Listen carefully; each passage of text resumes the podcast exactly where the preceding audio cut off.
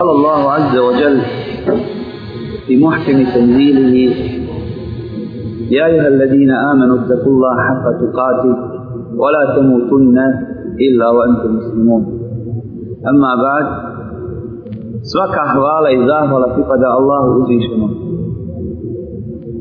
نكاية مير إسباس من يقوى قصانيك محمد صلى الله عليه وسلم الله عزي شنيه objavio u časnoj knjizi o vjernici, bojte se Allahom, istinskom bogobojaznostu i ne umirite nikako drugačije nego kao pravi muslimani. Uvažena i cijenjena braćo, ovo je naše treće predavanje o islamskom znanju i učenjacima. I s njime bismo završili ovaj ciklus. U njemu ćemo nešto progovoriti o učenjacima ehli sunnata o džamata u današnjem vrijeme. Ili najpoznatiji učenjaci ehli sunnata o džamata koje mi slijedimo i od kojih uzimamo znanje i koji za nas predstavljaju nasljednike Allahov poslanika Muhammeda sallallahu alaihi wa sallam u naše vrijeme. Predavanje bi mogli podijeliti u dva dijela. U prvom dijelu ćemo nešto kazati o učenjacima, a u drugom dijelu o institucijama. O naučnim institucijama na koje se pozivaju, na koje se poziva Ajde Sudne Volđema u današnje vrijeme i od kojih traži pravna rješenja petve. U prvom dijelu također imamo dva dijela. Imamo učenjake koji su umrli i žive učenjake, eh, su na to ovdje mani. Što se tiče učenjaka koji su otišli Allahu Đalešanu u novije vrijeme, najpoznatiji među njima su pod jedan šejh Abdul Aziz ibn Abdullah ibn Baz. Ovaj učenjak je uživao najveći ugled ovome umetu u novije vrijeme. Na svim dijelovima zemaljske kugle. Kod sviju, kod svakog muslimana koji voli sunnet i koji voli poslanika Muhammeda sallallahu alaihi wa sallam ime ovog učenjaka i on kao ličnost je puno značilo. Navešu samo jedan slučaj koji se dogodio u vrijeme afganistanskog džihada. Abdullah Hazan, Allah mu se smilo, jedan od učenjaka koji je učestvovao i poginuo u afganistanskom džihadu, je došao ovdje u Saudijsku Arabiju u vrijeme džihada u posjetu šehu Abdulazidu i Bazu.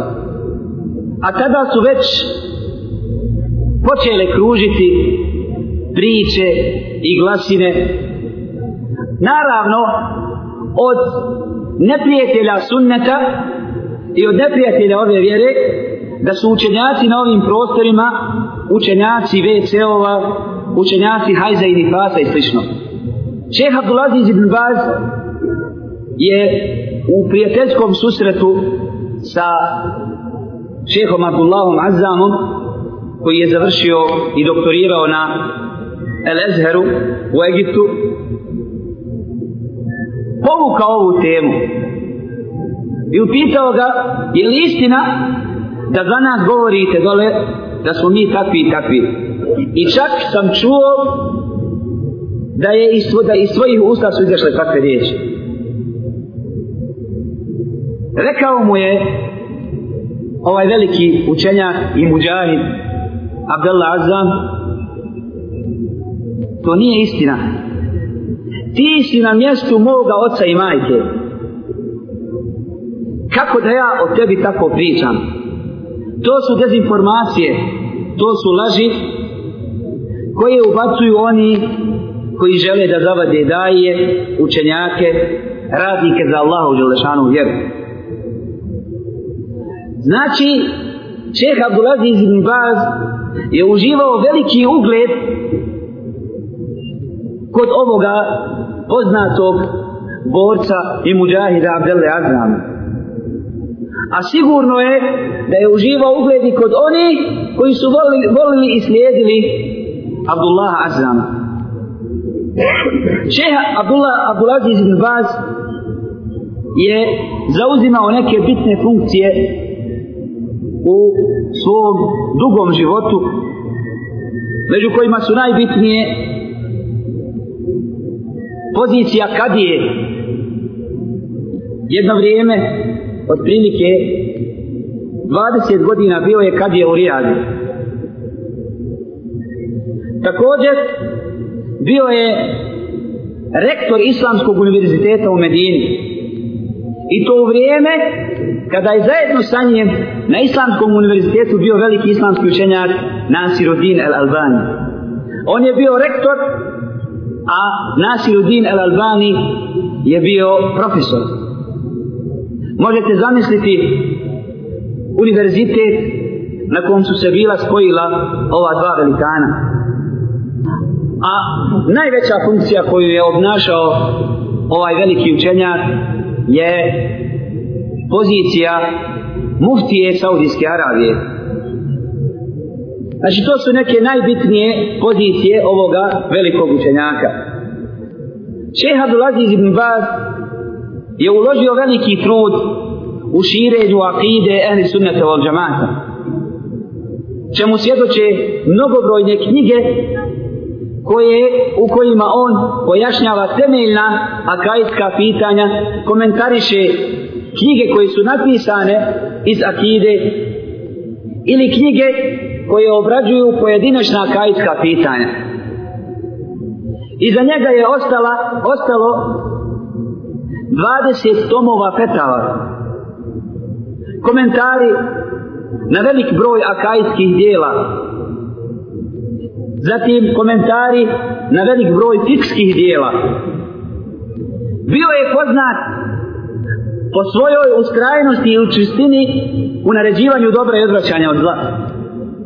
I poznati su neki njegovi stavovi prema ovim vlastima ovdje gdje je on čvrsto i odlučno nastupio, gdje je hitno zahtjevao da se nešto promijeni, gdje je hitno tražio od nekog od emira ili gradonačelnika da uklonu određeno zlo i slično tome. Poznat je njegov kategoričan stav o puštanju trojice velikih daija i zatvora šeha Sefera El Havalija, Nasira El Omera i šeha Selmana El Audi. Također, šeha Abdulaziz ibn Baz je bio poznat po velikoj brigi o ummetu.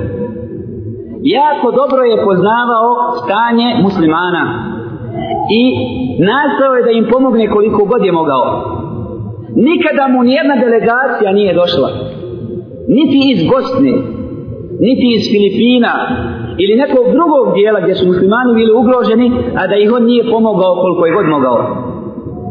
Navode jedan slučaj da mu je u toku predavanja došla delegacija iz Filipina, delegacija muđahida iz Filipina i tražili su od njega pomoć za muđahide. Nije im imao ničim pomoći, pa je naredio nekim svojim učenicima da prodaju namještaj iz njegove kuće i da daju muđahidima pomoć. Kad kažem izuzetno je poznavao stanje, ne mislim samo na stanje po nekakvim glavnim gradovima i sredinama, čak je poznavao i područja u koja, iz kojih teško informacije dolaze. Čak je poznavao stanje muslimana u selima, afrikanskim selima,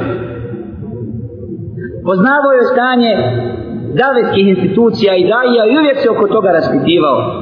I poznat je njegov odlučan stav kada je u pitanju džihad u Bosni i Hercegovini.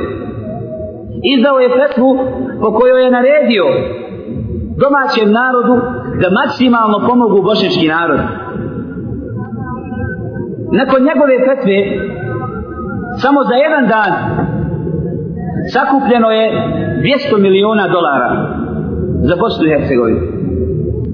Također, kada je, kada je, kad govorimo znači o njegovoj blizi, poznat je, poznata je njegova fetva da je muslimanima obaveza pomoći muđahide u Afganistanu nakon što su, nakon što su Sovjeti okupirali Afganistan. Bio je od onih koji je javno pozvao sve muslimane koje god mogao da ide i da pomogne braći u Afganistanu. Drugi veliki učenjak, ehli sunnete od džemata, znači od učenjaka koji su otišli gospodaru svjetova i koji su završili ovo svjetski život je šeheh Nasiruddin el Albani veliki ismedžija sunneta Allahu poslanika sallallahu alaihi wa sallam i veliki borac protiv novotarije protiv svih oblika novotarije mislim da novotari u današnje vrijeme nisu prezirali nikoga kao što su prezirali njega zašto? zato što se protiv svih tih novotarija borio sunnetom Allahu poslanika sallallahu alaihi wa sallam svoj život skoro da je proveo u Mektebi Al-Zahiriji u Dimešku, u Damasku, gdje je izučavao i studirao sunnet Allahog poslanika sa Oselem i naučno obradio veliki broj rukopisa koji su ostali iz, koji su nam ostali iz prvih generacija. Dobitnik je nagrade Kada Fejsala za hizmet sunnetu Allahog poslanika sallallahu alaihi wa sallam. Kao što sam već rekao, Bio je predavač na Islamskom univerzitetu u Medini i sa svojim učenicima je poslije nastave išao u ulicu i naređivao je dobro i odrešao od zla. Nije ga bilo strah, niti ga je bilo stid otići na pijacu ili na bilo koje drugo mjesto i ljudima naređivati dobro odvraćati od zla pojašnjavati im istinu, pojašnjavati im sunnet Allahov poslanika sallallahu alaihi wa sallam. Uradio je ili naučno je obradio četiri poznata sunena koji se ubrajaju u šest zbirki zajedno sa Kuharinom i Muslimovom. Sunen Ebi Dawud, Sunen En-Nesai, Sunen Et-Tirmidi i Sunen Ibn Mađe uradio je, obradio je ili poradio je na ova četiri sunena tako da nam je razdvojio jer od ostojne od slabih hadisa u te četiri zbirke. Jer Buharina i muslimova zbirka su nazvani sahihima i u njima nema slabih hadisa. Ali kod ove četvorice u sunenima ima i vjerodostojni i slabi hadisa, a on je razdvojio slabi od vjerodostojnih i napravio je nešto što se zove السنن الصحيحة السنن الضعيفة صحيح سنن أبي داود وضعيف سنن أبي داود صحيح سنن ابن ماجه وضعيف سنن ابن ماجه صحيح سنن ترمذي وضعيف سنن ترمذي وصحيح سنن النسائي ضعيف سنن النسائي uložio je ogroman trud da bi ono što je istinski poslanik sa oselem rekao i uradio, razvojio od onoga što nije vjerodostojno. I na što se ne možemo oslonuti i na što se ne možemo pozvati kada je u pitanju vjera. Neko će reći šta je korist toga, što je, obro, što je toliki trud uložio na tome. Odakle mi crpimo svoju vjeru? Odakle crpimo vjeru nakon Kur'ana? I sunneta Allahu poslanika sa oselem. I ako ne znaš Da li je hadis koji, na koji se pozivaš, vjerodostojen ili slab, možeš se pozivati na slab hadisa da nisi svjestan i pripisati poslaniku sa sredem ono što on nije rekao da nisi ni svjestan. Jer sunnet čuva Kur'an. Sunnet pojašnjava Kur'an. U sunnetu imate nekada poseban, zaseban propis. Sunnet nekad ograničava Kur'an ili ga specifikuje. Opći propis, on iz općeg propisa izdvaja pojedinca ili jedinku.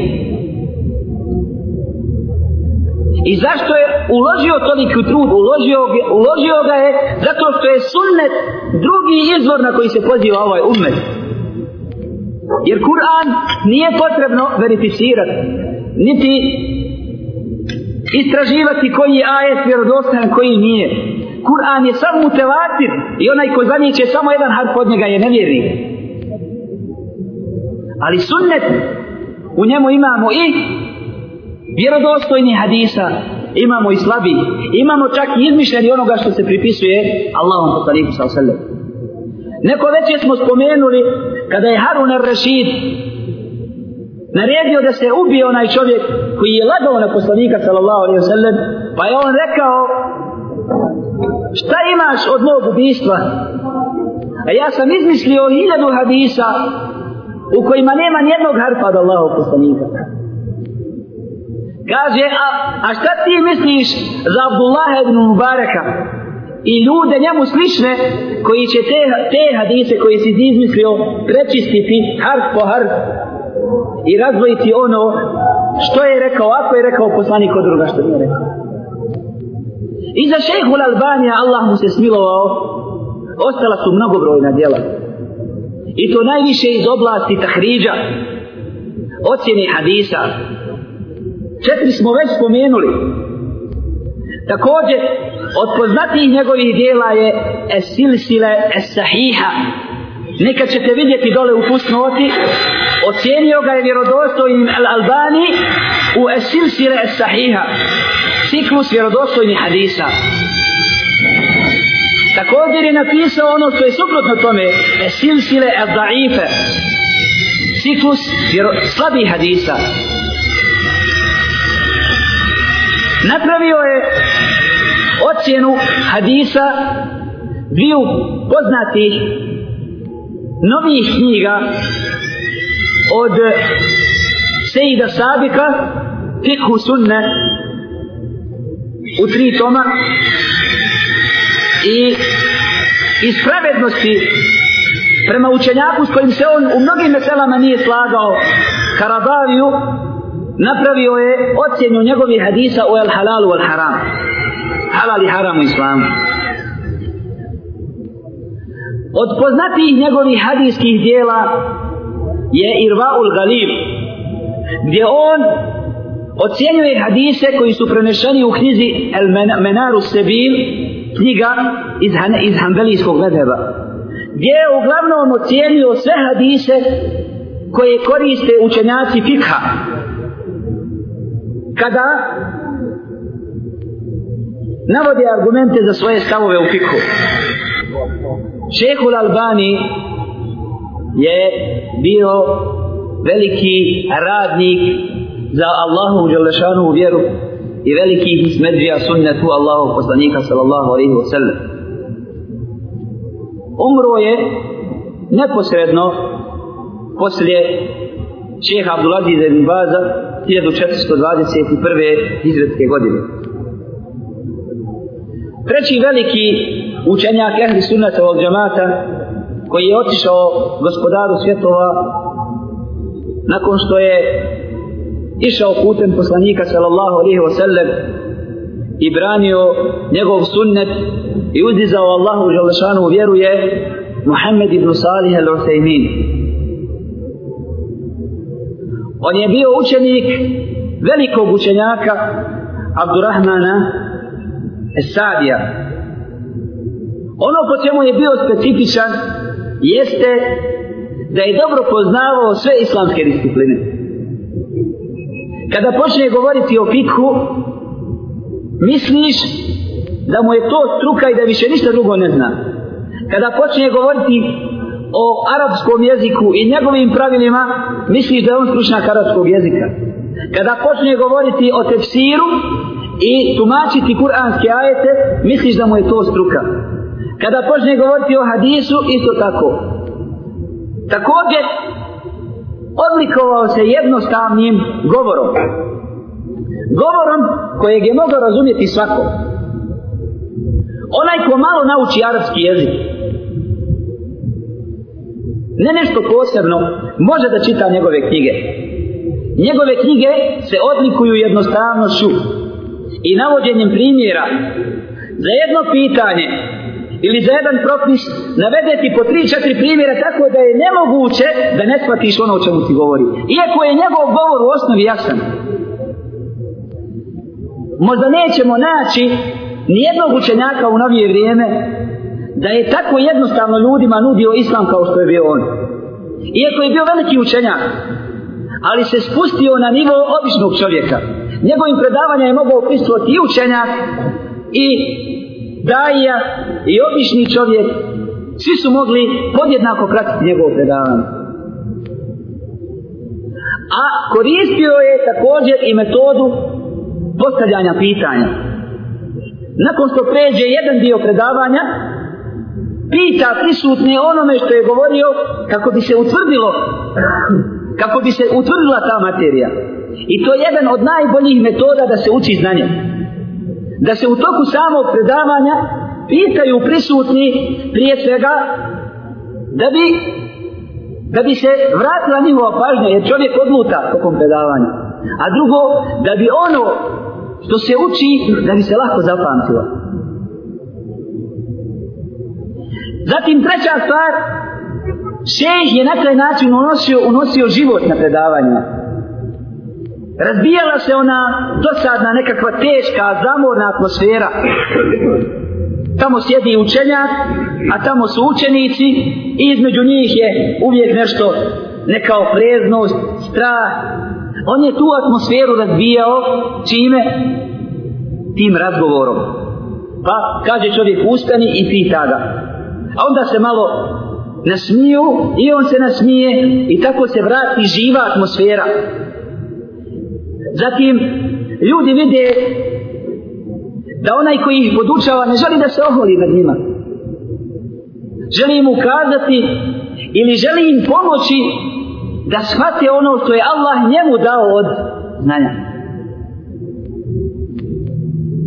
I za ovoga velikog učenjaka je ostalo 25 tomova petvi. 25 tomova petvi. Ostalo je 15 tomova komentara na poznato fiksko dijelo Zadul Mustatne. 15 tomova, od toga je 11 tomova do sada izišlo. A bit će otprilike 15 tomova. To je svojevrsna fikska enciklopedija. Možete zamisliti koliko znanje čovjek ima kada u 15 tomova komentariše dijelo koje ima jedan tom.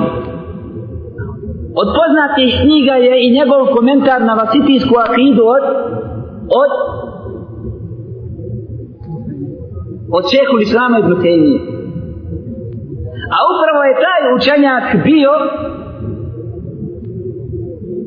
na posebnom mjestu kod Ibn Tejmina. Poseban utjecaj na pik Ibn Tejminov i njegovu petvu je ostavio Ibn Tejmije. Kaže, radišao sam se sa jednu temiju, možda u deset pitanja sam. Ostavio je veliki trag jednu temiju na njega. I ono po čemu je bio specifičan i on, i šeha Blazi iz Ibn Baz, jeste odbacivanje slijepog slijedženja jednog medheba. Jer na ovim prostorima zvanično je hambelijski medheb. Međutim, šeha Blazi iz Ibn Baz, šeha Ibn Ustajnin, su razbili slijepo svjeđenje tog medheba među onima koji su stikali znanje pred njima. I čak i u samom komentari, prilikom samog komentarisanja handelijskih knjiga, često su davali suprotne stavove od onoga što su komentarisali. To je još jedna velika, veliki fadl ili vrijednost tih učenjaka da su naučili one koji su sjedili pred njima i učili pred njima da se vežu samo za Allahov poslanika sallallahu alejhi ve Da su da su ih naučili da je dokaz u onome što kažu Allah i poslanik. Ali i pored toga se poštuje ono što su učenjaci kazali i do čega su učenjaci došli, ali je najpreće da se slijedi riječ onoga koji je bio nepogrešiv, a to je Muhammed Mustafa sallallahu alaihi wa sallam. S time smo završili prvi dio prvog dijela. Rekli smo da ovo naše predavanje ima dva dijela. Islamski učenjaci je sunnata od džemata u današnje vrijeme i institucije ehli sunneta od džemata na koje se danas mi vraćamo i od kojih uzimamo petve. Rekli smo također da prvi dio ima dva dijela, a to su učenjaci koji su preselni, otišli Allahu i učenjaci koji su živi, a to je na nama sada da kažem. Od živućih učenjaka, ehli sunnata od džemata izdvajamo sljedeće. Abdurrahman El Džibril. Čovjek koji je od govora o Allahu ovoj vjeri gotovo izgubio svoj glas. Sada, kada taj čovjek ima otprilike 75 do 80 godina, jedva da možete prepoznati šta govori od mnoštva govora o Allahu Želešanu vjeri. Gotovo da, je, da mu je jezik, da mu se jezik osušio od govora o Allahu Želešanu vjeri. Drugi učenjak je Šeh Salih El Kauzan, član institucije koju ćemo poslije spominjati, član stalne komisije za petve u Saudijskoj Arabiji. Autor je mnogih korisnih dijela u kojima na sažet i jednostavan način predstavlja fikh, akidu, i druge šerijetske discipline. Možemo izdvojiti el mulekha sel tikhi sažetak fikskih ili pravnih pitanja. Možemo izdvojiti el iršad ila mesa ili el ihtikad ila sahih ili ihtikad uputstvo ka ispravnom vjerovanju gdje u jednom tomu šejh pojašnjava kompletnu akidu. Zatim njegovu knjigu Tevhid gdje govori o Tevhidu. I mnoga druga djela ovog velikog učenjaka. Treći učenjak je Abdulaziz ibn Abdullah nije ibn Baz nego Ali Šeh. Isto ime nosi samo što su iz različiti porodice.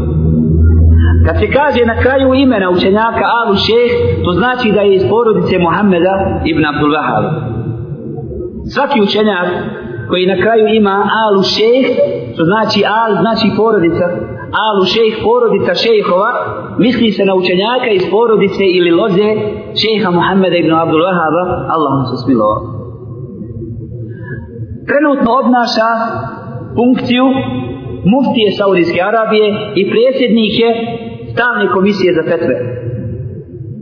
Abdulaziz ibn Abdullah al-Shej. Četvrti je Bekir Ebu Zej. Također član stalne komisije za fetve, a poznat po mnoštvu korisnih dijela koje je napisao. Napisao je otprilike 82 knjige do sada. A njegovo životno djelo je Međuu Fetava ibnul Hajim. Kao što je urađeno sa Fetvama ibn Tejmije, Međuu Fetava ibn Tejmije, sada se radi sa ibnul Hajimovim djelima. Pa ćemo imati Međuu Fetava ibn Tejmije i imat ćemo, inša Allah i ta'ala, ako Allah poživi ovoga učenjaka jer boluje rak, imat ćemo i Međuu Fetava ibnul Hajim čovjek je koji ne dozvoljava da mu prođe ni jedna minuta u nečemu što je beskorisno. Čak i sa vlastitim rodom. Ako neko od njih dođe, a nema svrhu zbog čega je došao, on kaže, izvini, ja sam zauzet, imam obaveze, radi na tome i tome, slišno. Jer da nije tako radio, ne bi, ne bi napisao ovoliko knjiga, Od poznatijih knjiga je, njegovih knjiga je Fikhu Navadi, gdje govori o nekoliko savremenih pitanja za koja je on dao pravna rješenja, normalno shodno svome mišljenju i svome gledanju na ta pitanja. Zatim, Abdulaziz Ar-Rađi, šeheh Nasir Al-Umar, Nasir al-Umar, koji je bio pet godina u zatvoru zbog svojih stavova, zbog nekih kritika koje je uputio vladajućoj kraljevskoj porodici u Saudijskoj Arabiji.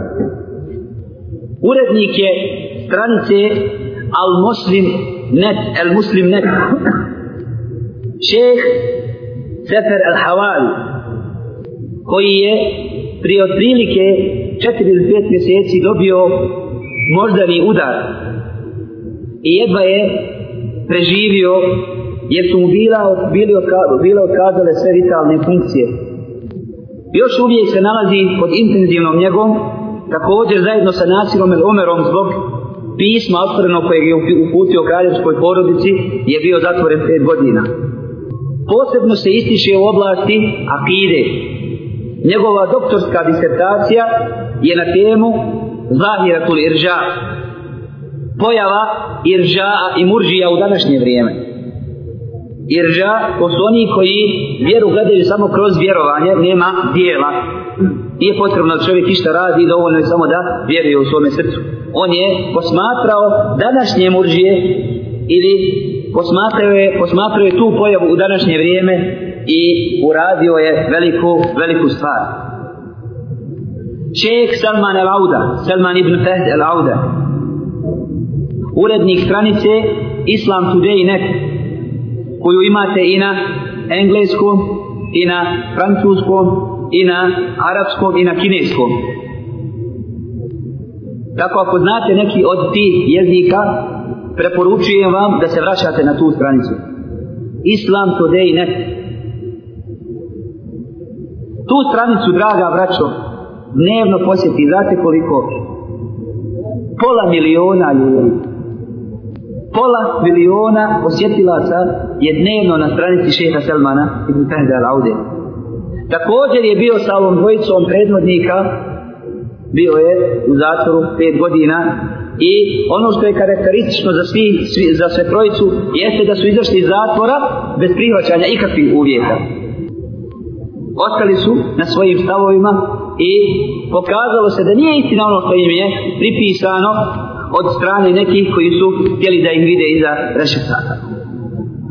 Šta više, kraljevska porodica im se javno izvinila za to što je uradila. Kada Allah Đulešanuhu nekoga uzdigne zbog nošenja istine, javno su im se izvinuli zbog toga što su pet godina ih stavili u zatvor, zbog nečega što ni oni sami nisu mogli definisati jer su oni u svom pismu tražili samo određene reforme u ovoj državi. Nisu tražili ni haos, ni nered, ni oružanu pogunu, nego su tražili, uputili su bratski islamski savjet i zbog toga su bili zatvoreni.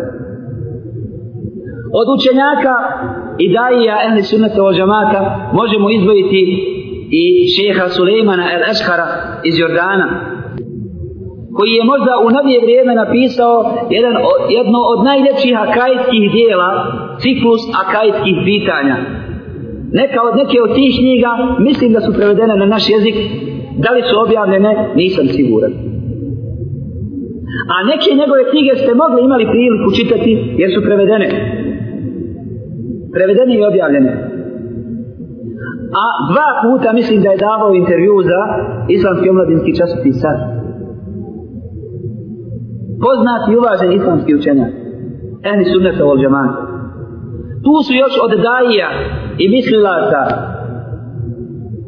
Šeh Salih al-Munadjid koji daje pitanja, daje odgovore na pitanja na stranici Islam online. I mnogi drugi. Salih al-Munadjid je u osnovi iz Sirije, ali živi ovdje. Salih al-Munadjid je Sirijac. Možda će neko kazati sve učenjake koji si nabrojo su odavde. S izuzetkom Čeha, Sarija Muneđida i Eškara. Zašto? Glavni predstavnici Selefijskog menheđa i ehli sunnetske dave u svijetu danas se nalaze ovdje i to nikome nije strano. I ovaj menheđ kojeg Allah, na kojeg nas je Allah Želežanu uputio, upravo je potekao odavde. Uzeli su ga ljudi ovdje i prenijeli su ga nama. Allah Želešanu je nama nas time počastio putem ljudi koji su ili ovdje direktno uzimali znanje ili su uzimali znanje od onoga koje je ovdje uzimao znanje. I dava, i džihad, i znači ono na čemu je danas ehli sunne vol džama, uglavnom je pomagan od učenjaka s ovih prostora. Bilo finansijski, bilo bilo naučno. I to treba da bude jasno svakome od nas. Da ova ilm ili ovo znanje ili ovaj sunnet kojeg mi slijedimo nije nama tek kako došlo na tanjiru. Neko je uložio trud, braćo, Neko je godinama radio i nije spavao, kao što je bio Šeha Abdulaziz ibn Baz, koji je spavao dnevno koliko, samo jedan sat. Kada je upitan kako možeš toliko raditi, kako možeš raditi toliko, rekao je, kada se odmori duša, tijelo se ne umara. To je, kada duša bude pokorna Allahu Želešanu, tijelo, tijelo tada ne osjeća za umor. Neko je morao uznojiti se i raditi da bi mi istinu koju smo sad znali naučili, da bi je dobili, da bi je znali. A uz to, Če Ibn Bar je bio slijep. Oslijepio je u 16. godini. A postigao je prvo mjesto ovome umjetu. Nije mi poznato da je neko ostvario ono što je ostvario ono ovome umjetu, pored te mahane tjelesne koju mu je Allah Želešanu dao sa 16 godina što se tiče drugog dijela to su institucije ehli sunnete od džamata izdvajamo tri prva je fikska institucija koja objedinjuje fakihe iz cijelog svijeta fikski ili pravni kolegi koji je pri raditi, islamskoj organizaciji raditi, na čijem čelu je učenja koje smo spomenuli malo prije Bek Ebu Zeyd. I ako hoćete da znate na koga se danas sav ummet vraća i šta je obavezujuće za čitav ummet, koje tijelo je obavezno za čitavom ummetu, a pogotovo nama, ehlu sunne vol djema, to je ova institucija, kada je u pitanju fetva. A pogotovo u novo nastalim savremenim pitanjima koja koja prije nisu bila ili koja o kojima se prije nije moglo ni raspravljati jer su novije karaktera. El međma al fiqhi al tabi li rabita munazamet al rabita al islamija. Znači, el međma al fiqhi islamski pravni kolegi. Druga institucija je vijeće velikih učenjaka u Saudijskoj Arabiji. Hejetu kibari ulema. I treća institucija je Ležnetu daime, stalna komisija za petve također u Saudijskoj Arabiji. Na čelu te stalne komisije, kada je tek u temeljina bio je Abdurrezak el Afisi. Poslije toga je na to mjesto došao šeheh Abdulaziz ibn Baz, a poslije njega je muftija Saudijske Arabije trenutni Abdulaziz Al-Shej. Izdvojit ćemo jedan detalj iz istorije stalne komisije za petru.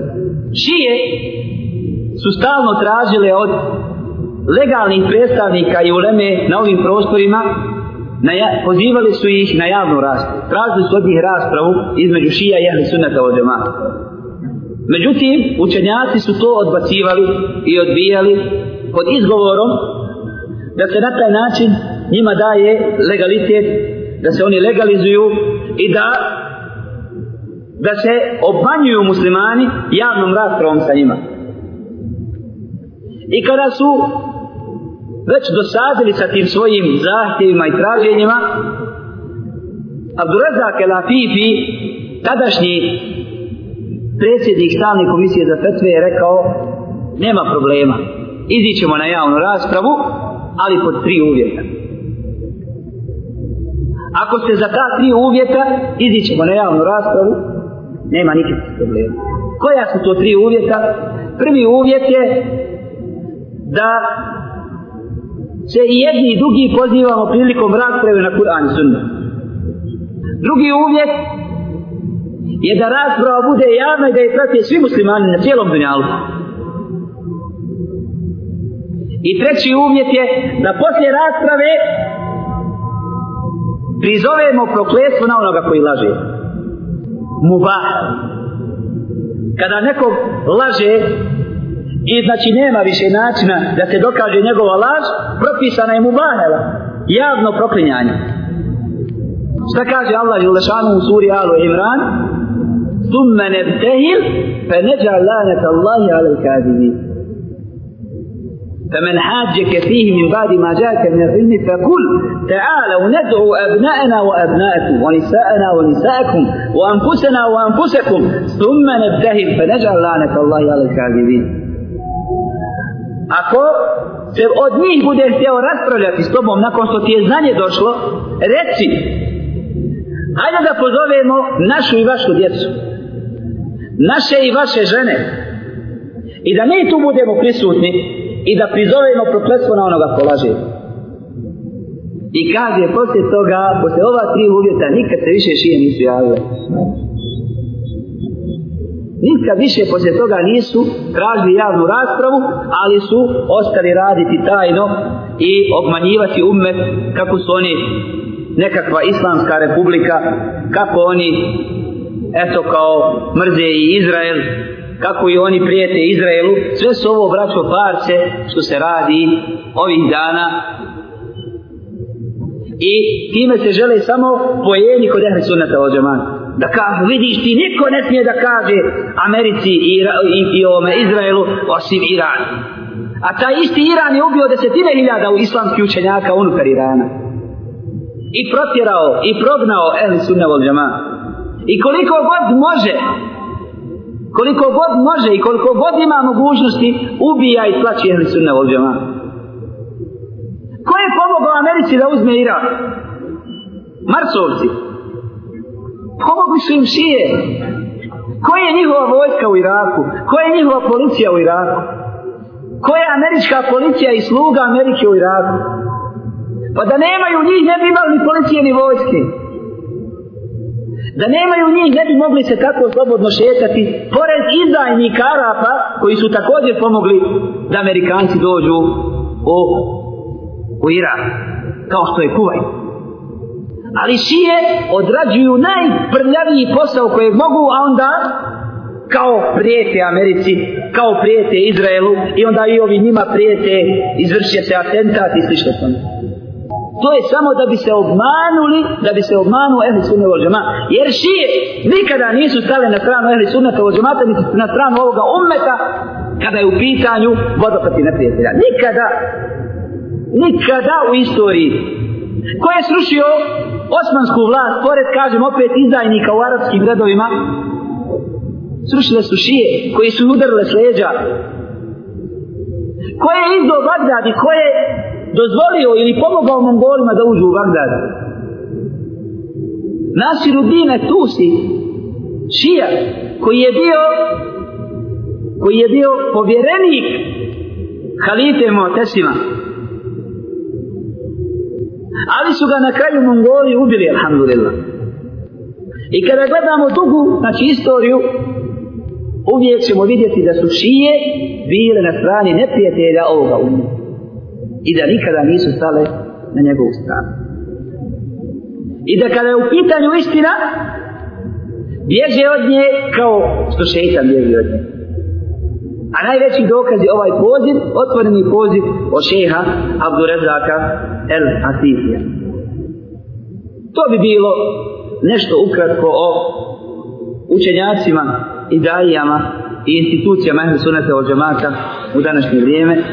Molim Allah da nam se smiluje, da nam oprosti, da nas učvrsti kao što je učvrstio te učenjake i da Allah Đulašanu da beriče u životu oni koji još hode ovom zemljom, a da onima koji su otišli Allahu Đulašanu podari najveće stepene. Amin. أقول قولي هذا واستغفر الله لي ولكم فاستغفروه رقه هو قد الله جل شانه تراجي شكر الزباح في السبه تراجي